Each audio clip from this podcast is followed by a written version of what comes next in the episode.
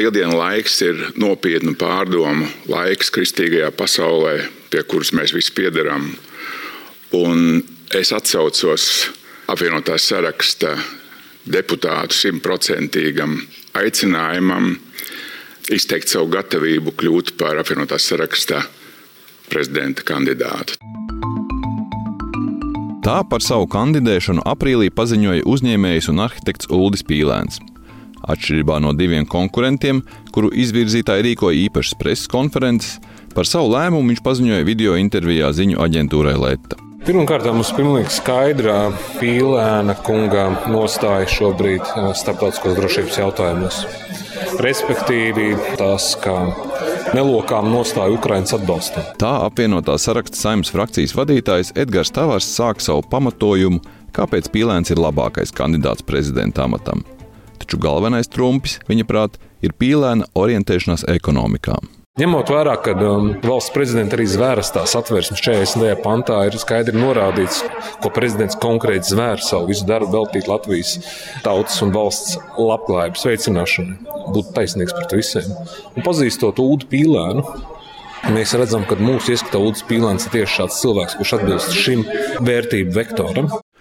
Ulrichs Pīlāns dzimis Liepājā, tur pabeidzis vidusskolu, 70. gadu vidū iestājies Politehniskajā institūtā arhitektūras fakultātē, un tur ieguva iespēju mācīties Veimāras arhitektūras un būvniecības augstskolā Vācijas Demokrātiskajā republikā. Pēc studijām Pīlēns padomju Latvijā strādāja Zinātniski tehniskās informācijas un tehniski ekonomisko pētījumu institūtā par dizaina centra vadītāju un bija valsts plāna komitejas tehniskās estētikas problēmu padomjas biroja loceklis. 1983. gadā viņš kļuva par Liepājas galveno arhitektu. Liepāja notika ne tikai kultūras pasākumi, bet arī faktiski viena no pirmajām Latvijā gājēju ielām tika realizēta tur. Tā pīlēna veikumu slavēja Latvijas Arhitektu Savienības prezidents Juris Poga. Pēc Latvijas neatkarības atjaunošanas Pīlēns veiksmīgi uzsāka būvniecības biznesu, un tagad viņam daļēji piedarošais koncerns UPB var lepoties ar 240 miljonu apgrozījumu. Jau astoņus gadus Pīlēns vairs nepiedalās tiešajā uzņēmuma darbā, bet ir uzņēmuma padomē. Politikā Pīlēns iesaistījās 90. gadu beigās kā jaundibinātās Tautas partijas valdes loceklis. Viņš strādāja arī kā Liepājas domas deputāts, bet partiju pameta ekonomiskās krīzes priekšvakarā. Pirms pagājušā gada saimnes vēlēšanām Pīlēns atgriezās politikā. Krievijas izraisītais, nodevīgais un agresīvais karš Ukrajinā ar visu to genocīdu ir kaut kāds pagrieziena punkts manā dzīvē. Un tad bija skaidrs, ka principā tu nevari palikt malā. Pīlēns ir komunikabls, viņam ir labas manieres un laba reputācija, kas šķiet ir apzināti kopta nekādu dzeltenu skandālu, tikai lielas, gludas intervijas glancētos žurnālos, kurās viņš izceļas ar domas precizitāti un spēju runāt arī filozofiskos jēdzienos. Šādu viņa tēlu stiprina arī paša projektētā un pērn Rīgā ķīpselā atklātā konferenču un izstāžu ēka ar nosaukumu Ola. Es domāju, ka šeit ir visa man līdzinājās arhitekta un būvnieka pieredzes esence ielikt iekšā. Modernajā dzelzbetona ēkā Pīlēns dibināja biedrību apvienotais saraksts.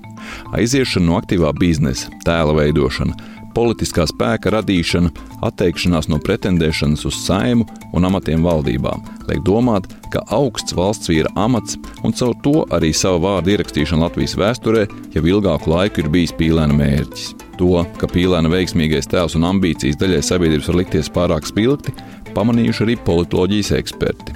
Raksturojums ambiciozs bieži parādās vērtējumos.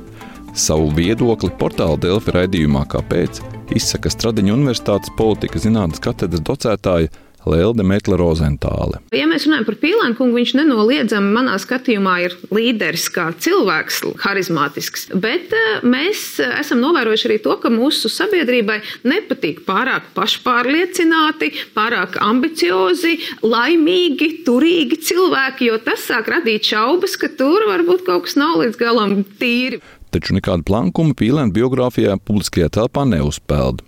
Vienīgi TV3 raidījuma nekā personīgi žurnālisti bija pamanījuši, ka Pīlēna firma kā apakšuzņēmējs piedalījies Gazprom ēkas būvniecībā Sanktpēterburgā, kas noritēja jau pēc Krimas aneksijas. Pīlēns uzskata, ka te viņam neko nevar pārmest. Saprotiet, 2014. gads vēl nav sankcijas pret Krieviju. Mūsu klients ir Austrijas klients. Visvairāk apspriesti ir divi citi fakti Pīlēna biogrāfijā. Pirmais no tiem, ka viņš studēja Vācijas Demokrātiskajā republikā. Lai izpelnītos tādu iespēju, bija jābūt labam komjaunietim, un neizbēgama bija VDK uzmanība. Es domāju, ka tas mehānisms bija tāds, ka teiksim, fakultāte viņu izvirzīja. Tad tas bija paralēli tātad VDK vērtīja, no otras puses bija pa komjaunatnes līniju bija jāapstiprina. No sākot no Politehniskā institūta komjaunatnes komitejas jārekomendē līdz eh, rajona komitejai, pilsētas komitejai un beigu beigās komjaunatnes centrālajā komitejā. Jo es arhīvā redzēju tieši, kā tika apspriests šis jautājums centrālās komitejas biroja sēdē. Šādu virzību Studēšanai draudzīgajās ārvalstīs iezīmētā perioda vēstures pētniece Rīgas Tradiņu universitātes asociētā profesora Daina Blējiere. Viņa norāda, ka studējot VDR nebija jābūt VDK ziņotājiem. Turpina Blējiere. Nu, tādā grupā, protams, kāds noteikti bija ziņotājs. Tikai jautājums, kurš. Nu, es gan vairāk domāju, ka ticamāk, vai Baltiešiem tik ļoti uzticējās. Ticamāk, ka tas bija kāds no vecākajiem brāļiem. Otrs apspriestākais pīlēna biogrāfijas notikums ir viņa atrašanās Tautas partijas valdē, laikā, kad ekspremjeras Andris Čēlis izmantoja politiku sava biznesa impērijas stiprināšanai, un valdība realizēja gāzes grīdā politiku. Pīlēns neuzskata, ka būtu līdzatbildīgs par sekām. Sadalīsim atbildību starp Nacionālo banku, kura pieļāva šo kredītu ņemšanu arī citās valūtās, kas bija viens no punktiem, un valdības atbildību. Tad nebūtu tas soļis, kurš teikt, ka pie visa vaina vainīga tikai valdība. Pīlēns arī min, ka Tautas partijā bija iekšējā opozīcijā. Bijušais pīlēna līdzgaitnieks partijā, politiķis Arts Pabriks faktus, kas to apstiprina, neatminas. Kas attiecās uz to periodu, kurā es biju Tautas partijā, nu, ja man atmiņa neviļas, nevar atcerēties tādus izteiktus momentus, ko Rūdas Pilēns būtu tā ļoti iestājies pret kādu kopīgo partijas kursu vai būtu bijis opozīcijā. Es domāju, ka tajā laikā Tautas partija gan Liepājā, gan daudz kur citur bija vadošā partija, un es domāju, ka eh, Pilēna kungam tajā laikā bija, bija gana labi arī būt partijas biedram. Pabriks Tautas partija pameta 2007. gada rudenī, kad samilza skandāls par vēlmi tikt vaļā no toreizējā knapu vadītāja Aleksandra Loskutova. Pīlēns partijā sabija vēl gadu. Viņam partija kļuva nepieņemama brīdī, kad valdība izlēma pārņemt Pareksas banku. Šobrīd Ulris Pīlēns var droši rēķināties ar apvienotā saraksta 15 balsīm. Plaši tiek runāts, ka viņu varētu atbalstīt Ainars Lesera vadītā Latvija pirmajā vietā ar 9 balsīm un Roslīko partijas stabilitātei ar 10. Šis atbalsts nav drošs un papildus nepieciešams vēl 17 balsis, kuras šobrīd neviens nesola. Andrejs Vasks, Latvijas Radio.